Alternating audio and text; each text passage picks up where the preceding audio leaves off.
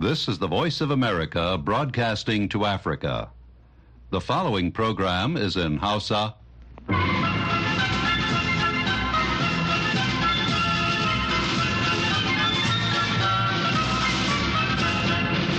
Masu sauraro Assalamu alaikum barkanku da kasancewa tare da mu a daidai wannan lokaci.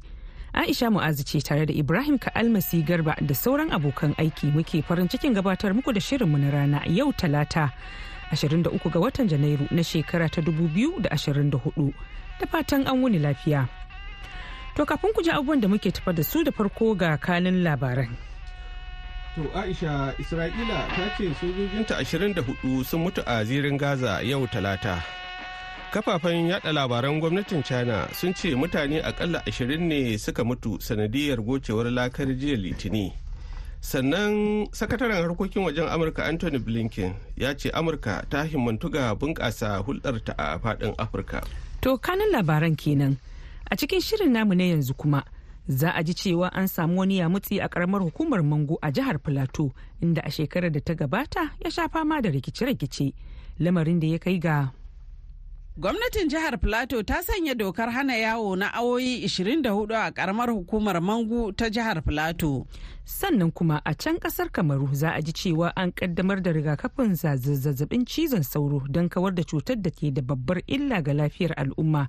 Sai dai kuma lamarin ya haifar da cece kuce inda wasu ke cewa an zo yin gwaji ne kuma abin kunya ne kuma har yanzu ba mu san illolinta ba.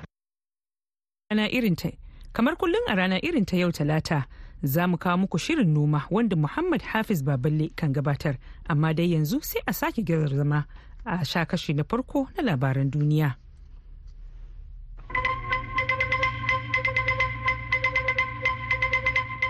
To assalamu alaikum masu saurare da fatan a wuni lafiya. Ga labaran. Isra'ila yau talata ta ba da rahoton mutuwar 24 daga cikin sojojinta a zirin Gaza. Ɗaya daga cikin munanan ranaku ga sojojinta tun bayan da ta kaddamar da yaƙin kawar da ƙungiyar hamas a gaza.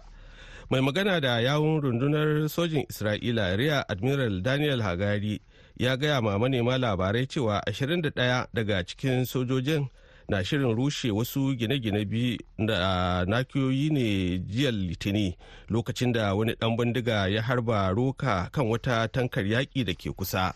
Har nakiyoyin da ke cikin gine-ginen suka tashi wanda don haka gine-ginen suka fada kan sojojin na isra'ila. Wasu sojoji uku kuma na isra'ila sun mutu ne a wani hadari na daban. Firaministan isra'ila benjamin netanyahu ya ce rundunar sojan ƙasar ta fara bincike kan wannan hatsarin. Kafafen yada labaran gwamnatin china sun ce an tabbatar da mutuwar mutane akalla ashirin sanadiyar gocewar laka a kudu maso yammacin lardin yunan na china. Sashen saman wani tudu mai tsawon gaske ya binne gidaje kimanin 18 bayan da ya faɗo inda ya tuttuɗo baraguzai da dama zuwa wani ƙauye da ke ƙaramar hukumar jinjon da safiyar jiya litini kamfanin dillancin labarai na shinhua ya ce tawagar masu ayyukan ceto na ta tonon wani tarin baraguzai mai faɗin mita 100 da kuma tsawon mita 60 don gano ko akwai wasu da ke da rai a yayin da ake fama da matsanacin sanyi da dusar kankara mazauna wurin akalla ashirin ne suka ɓace a yayin da kuma a latilas wasu ɗaruruwa suka bar gidajensu. Ana ganin kaddamar da wata babbar masujjada a ɗaya daga cikin wuraren ibada na indiya da ake ta takaddama a kansu na iya amfanar firaministan indiya narendra modi a daidai lokacin da yake ƙoƙarin samun wa'adi na uku. To sai dai kuma abin tambaya shine ko shin irin wannan kane-kane da firaministan yake yi kan harkokin addinin hindu bai yi hannun riga da manufofin indiya na keɓe harkokin addini daga sha'anin gwamnati ba?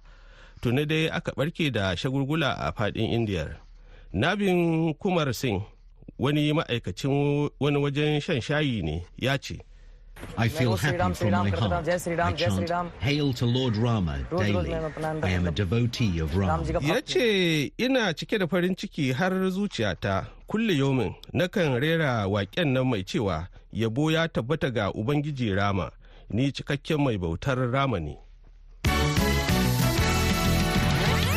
To nan ba da jimawa ba Ibrahim zai dawo ya karanto mana sauran labaran amma kafin nan za mu nufi jihar Plateau da ke arewa maso tsakiyar Najeriya inda aka samu barkewar wani rikici a karamar hukumar Mango. Lamarin da ya sa hukumomi a jihar ɗaukar matakan wato matakin sauya sanya dokar hana yawo na tsawon sa'o'i 24 idan ba a manta ba wannan an wani yamutsi da aka samu a ranar jajiberin christmas da ya gabata na shekarar da ta shuɗe ya kai ga mutuwar sama da mutum 160 a jihar ta plateau ga dai zainab babaji da ci gaban labarin cikin wannan rahoto. Gwamnatin jihar Plateau ta sanya dokar hana yawo na awoyi 24 a karamar hukumar Mangu ta jihar Plateau. Sanya dokar ta biyo bayan taɓarɓarewar tsaro a cikin garin na Mangu. A wata sanarwa daga gwamnatin jihar ta Plateau ta ɗauki matakin hana zirga-zirgar ne bayan tattaunawa da jami'an tsaro da sauran masu ruwa da tsaki. Hakan ya zama dole a ƙaƙaba dokar. Inda ta ce masu gudanar da ayyuka na musamman ne kadai ke da izinin zirga-zirga har sai yadda hali ya yi. Duk ƙoƙarin ji daga hukumomi da al'ummar gari ya ci tura, to sai dai waɗansu da ba su yarda na naɗi muryarsu ba sun shaida min cewa da safiyar yau talata lamarin ya yi ƙamari inda aka ƙona gidaje da masallaci a cikin garin na Mangu. A halin da ake ciki dai rikicin da sassan jihar Filato na ci gaba da sanadin rasa rayuka da dukiyoyi. A taron manema labarai da haɗaɗɗiyar ƙungiyoyin Fulani suka yi a Jos sun bayyana yadda ake kisan ɗauki ɗaiɗai wa al'ummarsu. Shugaban ƙungiyar Miyatti Allah a jihar Plateau, Nura Muhammad Abdullahi, ya ce al'ummarsu ta sha fama matuƙa a rikice-rikicen. Kullum kullum sai an ba mu labarin cewa an kashe bafulatu ne a nan ko a can ko a can tsakanin mangu bokos da barikin ladi. Abubuwan suna mana yawa. Kuma duk abin da muke muna yin ƙoƙari ne yaya za a samu zaman lafiya mai dorewa a jihar plateau. Don haka muka dawo mu gaya wa duniya cewa ga irin abubuwan da suke faruwa. Kuma mu kira gwamnati da jami'an tsaro su ɗauki matakai da ya kamata domin a samu zaman lafiya mai dorewa babu yadda za a yi a ce a kuntata mutane a wulaƙanta su a kaskantar da su a ci musu mutunci a kashe su a kwashe dukiyansu a kashe musu dukiya kuma a samu zaman lafiya. Wannan zai samu matsaloli manya-manya don haka muna roƙo muna kira ga gwamnati da jami'an tsaro da allah a yi duk abin da za a yi saboda a samu zaman lafiya a guraren nan Su ma a nasu martanin ƙungiyoyin al'ummomin da ke jihar Plateau ƙarƙashin shugaban ƙungiyar matasan Biron barista Daliop Solomon Montiri ya ce sun gano cewa an gayyato mutane ne da suka hallaka mutane fiye da 200 a ƙarshen watan jiya. Fulani suka fitar da wata jawabi da cewa ai an karkashe musu mutane a nan Plateau kuma suna zargin mutanen barki ladi bokos da kuma mangu. Alhali kuma abun ba haka ba ne bandits da fulani da kuma eh, terrorist element da aka kawo ba daga Najeriya kare ba daga wasu ƙasashen duniya musamman ta ƙasar Nijar da kuma Mali da dai sauransu. Da wanda aka dibo su a nan plateau da wanda aka sassamo su daga ta gefen Bauchi daga gefen Taraba Benue da kuma Niger State. Da dai sauran wuraren da suka didibo su. Domin dalilin da muna faɗan wannan shine an samu intelligence kamin wannan abu ya faru da cewa ai an shigo da mutane maharba daga wayancan wurare din. Kuma maharaba din ba ma fulani ne kadai ba yan bandits ne da kuma boko haram wanda suna nan suna naka samun mutane daga ta gefen zamfara da dai sauransu. So muna kiran gwamnatin bola tinubu da nan plateau muna kiran hausawa da duk sauran kabilu mu hada kai. Mun gane yan ta'ada ne ba fulani ba ne kadai muna rayuwa da su. Gwamnatin jihar plateau dai ta yi alkawarin ɗaukan matakai don kawo ƙarshen hare-hare da rikice-rikice tsakanin al'ummar jihar zainab babaji muryar amurka daga Jos a Najeriya.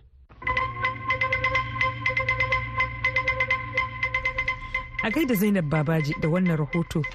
To kada a sha'afa ana tare ne da sashen Hausa na muryar Amurka a birnin Washington DC yanzu ga kashin labarai na biyu. To Aisha, sakataren harkokin wajen Amurka Anthony Blinken yau talata ya ce Amurka ta himmatu ga inganta hulɗarta a faɗin nahiyar Afirka da kuma ganin ƙasashen Afirka na daɗa tasiri kan manyan al'amura na duniya. Da yake magana tare da shugaba Alasan Watara na Abrikos ga manema labarai bayan tattaunawarsu a birnin Abidjan. Blinken ya ce tattaunawar ta haɗa da batun bunƙasa hulɗar cinikayya. Saboda a kirkiro ayyukan yi a amurka da abidjan ko abrikos da saka jari a fannin lafiya da kuma ɗaukar matakai kan kalubalen tsaro a yankin baki ɗaya a ƙarshe jami'an gwamnatin ukraine sun ce rasha ta kaddamar da hare-haren makamai masu linzami yau talata da suka hallaka mutane akalla huɗu baya ga raunata wasu sittin. Sannan sun kuma lalata gine-ginen jama'a da dama a birnin kyiv da kharkiv. Rundunar sojin saman ukraine ta ce bataliyar tsaron sararin samanta ta kakabo 21 daga cikin makamai masu linzami 41 da rasha ta cillo. Hare-haren sun auna kyiv babban birnin ƙasar da kuma birnin kharkiv da ke arewa maso yammacin koko gabashin ƙasar gwamnan yankin kharkiv oli sunigobov ya ce mutane uku sun mutu sannan wasu 42 sun samu raunuka. Shi kuma magajin garin kharkiv iho tarekov cewa ya yi hare-haren na rasha sun lalata rukunonin gine-gine wajen talatin. Sannan magajin garin kiev vitali kalechko ya ce hare-haren sun fada kan da dama daga cikin gundumomin babban birnin ƙasar inda suka raunata mutane akalla ashirin. An kuma kashe wani mutum a birnin pablo hart da ke yankin da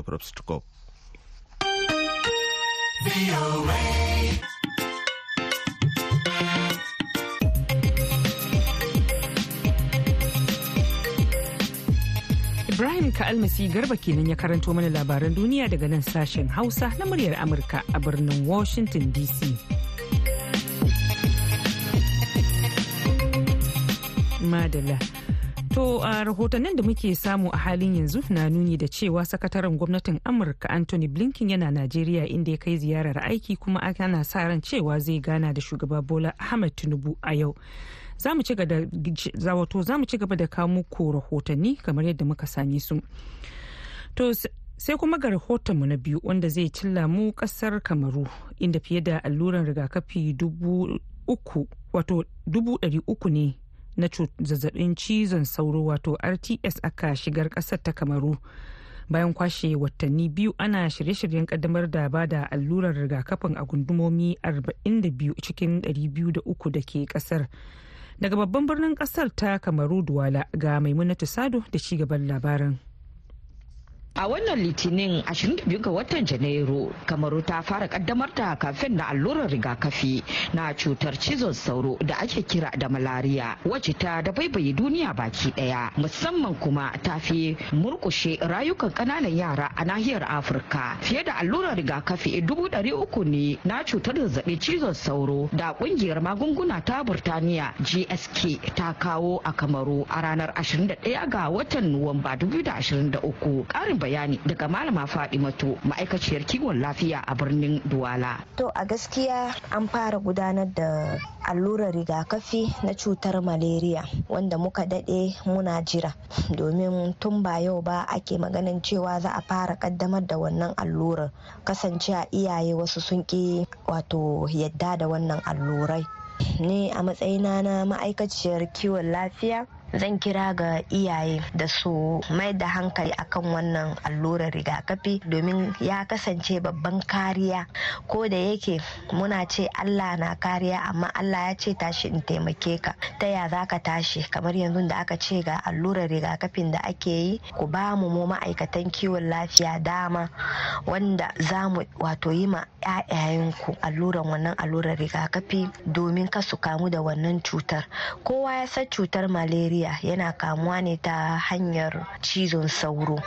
Kuma yadda kowa ya san sani yadda cizon sauro yake a nan birnin duwala a gaskiya muna fama da wannan. Zaka ga dan jinjiri daga sauro ya ci sa so biyu so uku. Zaka ga wannan yaron ya fara jikin shi ya fara dumi tun yana dumi har ka zo ka ga wato jini ya fara daukewa a jikin shi jini ya kare a jikinsa. To kun ga hakan yake kai ga rasa rayuka shi yasa muka fara wannan allurar rigakafi daga kan 'yan yara domin me sa su suka fi rauni a cikin al'umma. Duk da cewa an samu sabanin ra'ayi ga wasu ƙwararrun mutane a ƙasar game da wannan allurar rigakafi na cutar cizon sauro wanda dubu ɗari uku ne ya shigo kamaru mu saurari bayanin ƙwararren likita kuma ƙwararre a ta fannin binciken kiwon lafiya Dr. Alberzi. Il y a lieu de craindre puisque c'est une expérience inquiétude. Akwai dalilin jin tsoro tun da yake gwaji ake yi an zo yin gwaji ne kuma abin kunya ne kuma har yanzu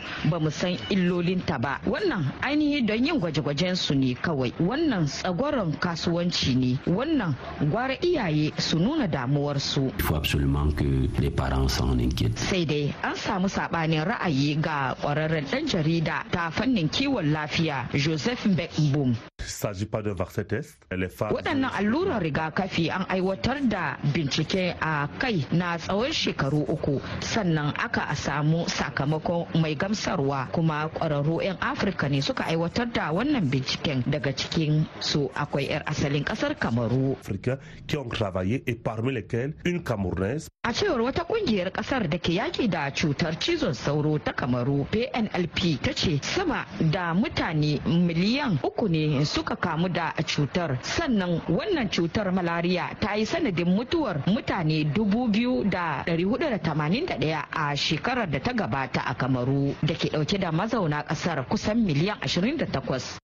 Yankunan da lamarin ya fi shafar su arewa mai nisa adamawa da kuma litoral na ƙasar kamaru. An bayyana wannan cutar a matsayin mai saurin kisa. Ana kamuwa da ita ne ta hanyar cizon wasu nau'ukan sauro da ake samu musamman a wuraren da suke da yanayin zafi. Cuta ce da ake warkewa ko kuma za a iya rigakafinta. Maimunatu sado sashin hausa na muryar amurka daga duwala a ƙasar kamaru.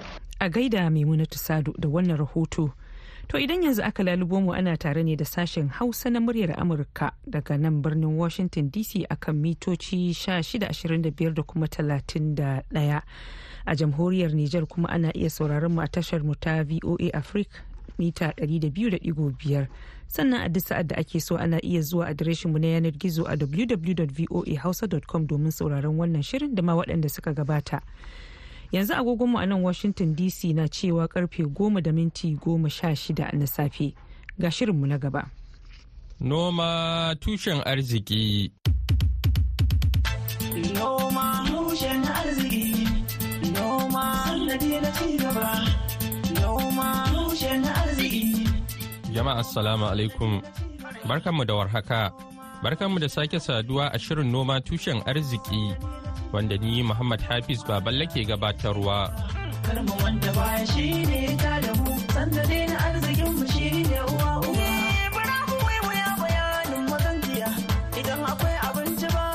Yayin da damuna ta wuce, yanzu haka manoma a Najeriya sun mai da hankalinsu wajen noman rani.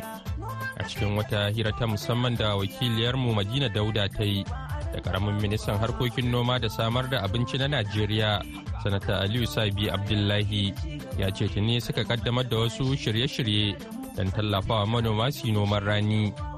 Madina ta fara da tambayar sanata aliyu sabi kamar haka. Damina ta kauran kai daɗe an ta san rani. Akwai wasu shirye-shiryen da kuke yi ne domin noman rani? To alhamdulillah tabbas akwai ba za a ce ma shirye-shirye ba akwai aikin da aka riga aka fara. Don an ce shirye-shirye kamar ba fara ba kenan. An riga an fara kuma ana nan ana shirye-shiryen waɗanda ba fara ba. Saboda wata ɗaya da ya wuce watan shekarar da ta wuce 2023 a watan disamba mun riga mun gabatar da noman rani na alkama wanda aka kaddamar a nan jigawa state jihar jigawa. Kuma niyan nan shine watan a ba da tallafi wa manoma don a samu yalwatan noma abinci. Saboda shugaban kasa ya riga ya sa harban cewa yana son kasa ta wadatu da abinci. Mutane su samu abinci ko ina kuma cikin sauƙi cikin farashi mai rahusa. To shi yasa aka fara wannan program wannan na noman alkama. Kuma nan da 'yan kwanaki ko mako ɗaya ko biyu haka ko uku yana ganin za mu kuma hito da na shinkafa noman shinkafa a rani noman rani shinkafa. Sannan akwai kuma da masara sannan akwai na rogo. To duk dai suna nan muna bin kowanne su ɗaya bayan ɗaya kafin ma shiga damana insha Allah. To akwai wani muhimmin dalili da ya sa kuka zaɓi jihar Jigawa a cikin jihohi 37 har da birnin tarayya? Eh to shi alkama ba kaman kowane wayancan watan albarkacin noma da ake yi ba ne saboda shi alkama yana da jihohi ne wanda su ne suke da yanayi da za a iya a shuka alkama kuma ta yi to jigawa ta kasance cikin jiha inda aka samu watan yalwantan wannan wurin da za a yi noma kuma sai kasance manoman suna da watan kwarewa da masaniyan irin wannan noma. Jihar borno ita ma tana cikin babban jihar da take wannan amma saboda matsalan tsaro kowa ya ga bai yiwuwa a samu abin da ake so. To shi sa muka mai da hankali ga inda babu matsalan tsaro kuma akwai mutane da suke da kwarewa wurin wannan noman. To shi yasa ita jiga gwamnatin jiga mai mataba ko mai girma gwamnan jigawa shi ma ya taka rawan gani inda ya tabbatar da cewa manomansa an shirya su an ba su tallafi kuma an gyara filayen noma wanda ya kai adadin abin da muke faɗi watan kusan hekta dubu arba'in. To amma bisa bayanin da ma ya bayar yau da ya dan ziyarce mu ya nuna za a mafi samun fiye da haka. Saboda na ɓangaren gwamnati na nan sannan akwai kuma masu zaman kansu su ma da suka shiga insha Allah. Kayi maganan shinkafa kayi maganan masara kayi maganan rogo. To akwai jihohin da za ku yi amfani da su wajen waɗannan kayan abincin da ka lissafa?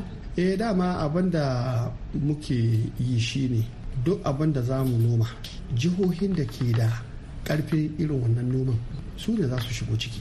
Idan aka dubi shinkafa kusan kowane jiha ƙasar nan suna noman shinkafa. Sai dai kawai wani ya fi wani. Wasu nasu abin da ake kira upland watan kama a ce shinkafan tudu. ko? Ko kuma wasu cikin fadama ko? To shi ne kawai bambanci. Ko kuma wasu sun fi yawan ƙasa ko? Kamar Niger yanzu za ta fi kusan fin kowa yawan ƙasan inda za a yi noman shinkafa. Misali saboda dama ita ce tafi kowane jiha faɗin ƙasa a najeriya. To shi ne kawai bambanci. Amma duk jihohi inda suke da watan manoma masu noman rogo za su shigo. Masu noman shinkafa za su shigo masu noman masara za su shigo. To yanzu a noman ranin nan kun fara da alkama. Ai ba kowa ne ke cin alkama ba. Me yasa ba ku fara da irin su dawa? A kowa ne ke cin alkama. Saboda abubuwan da ake da alkama suna da yawa ko ba haka ba? Ana sarrafa alkama a yi abubuwa da yawa wanda kusan kowa na ci. To shi yasa muka fara da shi. Kuma mun lura ne watan mu tana shigo da alkama kuɗin ya yawa saboda kusan miliyan shida ton miliyan shida ake nema na alkama ake, ake sarrafawa abinci. Kowace shekara? kowane shekara. Kuma ba ma noma kusan rabin miliyan. To shi yasa aka shigo da wannan salo don mu ga inda Allah ya albarkace su da wannan noma a tallafa musu su yi don mu rage watan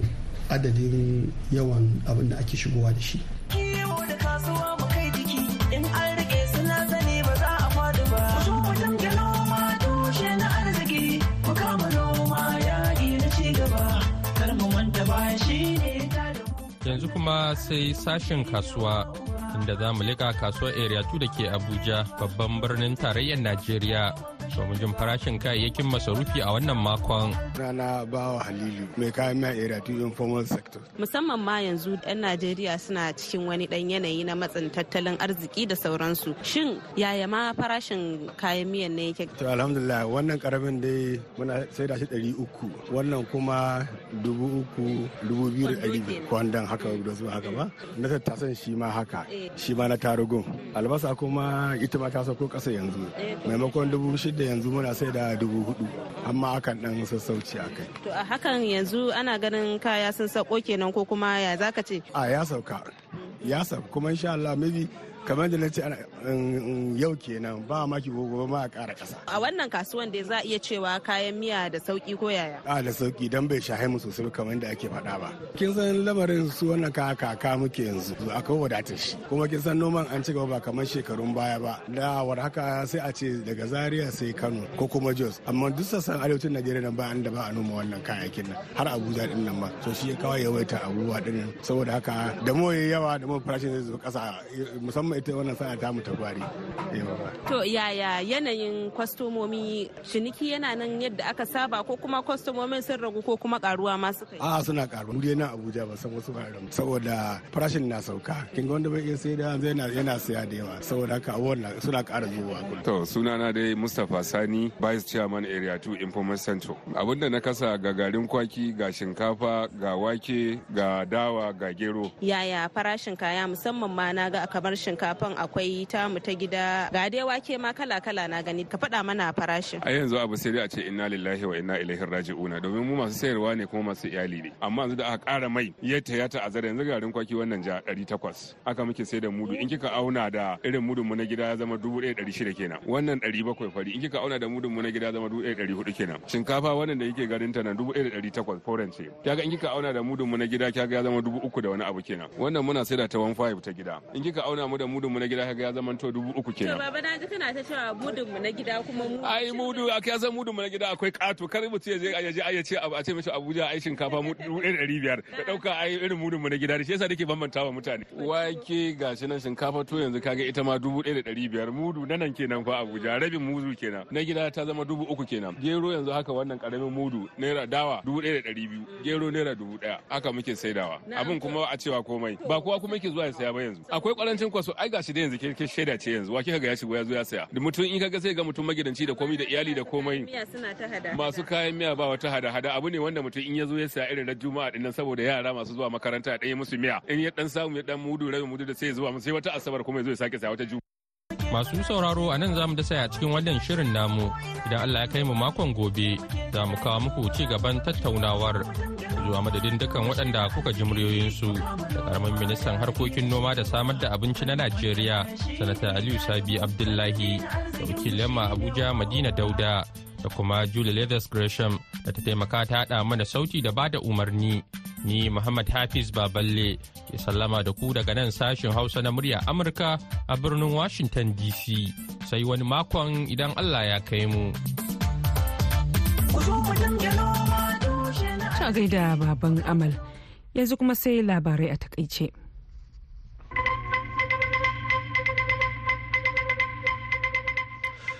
To a takaicen Isra'ila yau talata ta ba da rahoton mutuwar 24 daga cikin sojojinta a zirin Gaza, ɗaya daga cikin munanan ranaku ga sojojinta tun bayan da ta kaddamar da yaƙin kawar da mayaƙan Hamas.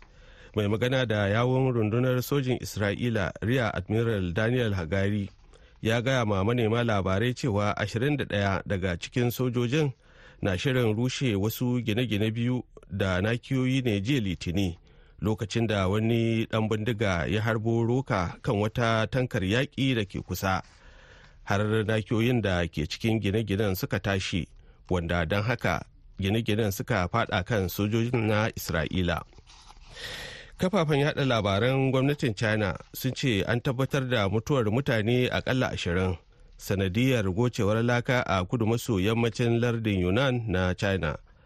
Sashen sama na wani tudu mai tsawon gaske ya binne gidaje kimanin 18 bayan da ya faɗo inda ya tuttuɗo baraguzai da dama zuwa wani ƙauye da ke ƙaramar hukumar jinjon da safiyar jiya litini ana ganin kaddamar da wata babbar masujada a ɗaya daga cikin wuraren ibada na india da aka fi takaddama a kansu. Na iya amfanar firaministan india narendra modi a daidai lokacin da yake ƙoƙarin samun wa'adi na uku. To sai dai kuma abin tambaya a nan shine ko shin irin wannan kane-kanen da firaministan yake yi kan harkokin addinin hindu bai yi hannun riga da manufofin india na keɓe harkokin addini daga sha'anin gwamnati ba? Sakataren harkokin wajen amurka anthony blinken yau talata ya ce amurka ta himmantu ga inganta hulɗarta a faɗin nahiyar afirka da kuma ganin ƙasashen afirka na daɗa tasiri kan manyan al'amuran duniya. Ta masu sauraro da takaitattun labaran muka kawo ƙarshen wannan shirin namu na rana. Sai kuma zuwa daren ku da misalin ƙarfe tara da rabi agogon najeriya nijar kamaru da chadi. Wanda ya daidai da ƙarfe 8 da rabi agogon GMT da Ghana ku sake jin mu da shirinmu na dare kuma na ƙarshe a yinin yau. Yanzu a madadin Ibrahim ka almasi garba da ya taya ni gabatar da shirin sai kuma Julie Leathers Gresham da ta shirya kuma ta ba da umarni sai ma mr chan da ya sada mu da ku ni aisha mu'azu nake muku fatar a karasa wani lafiya ma'asalam.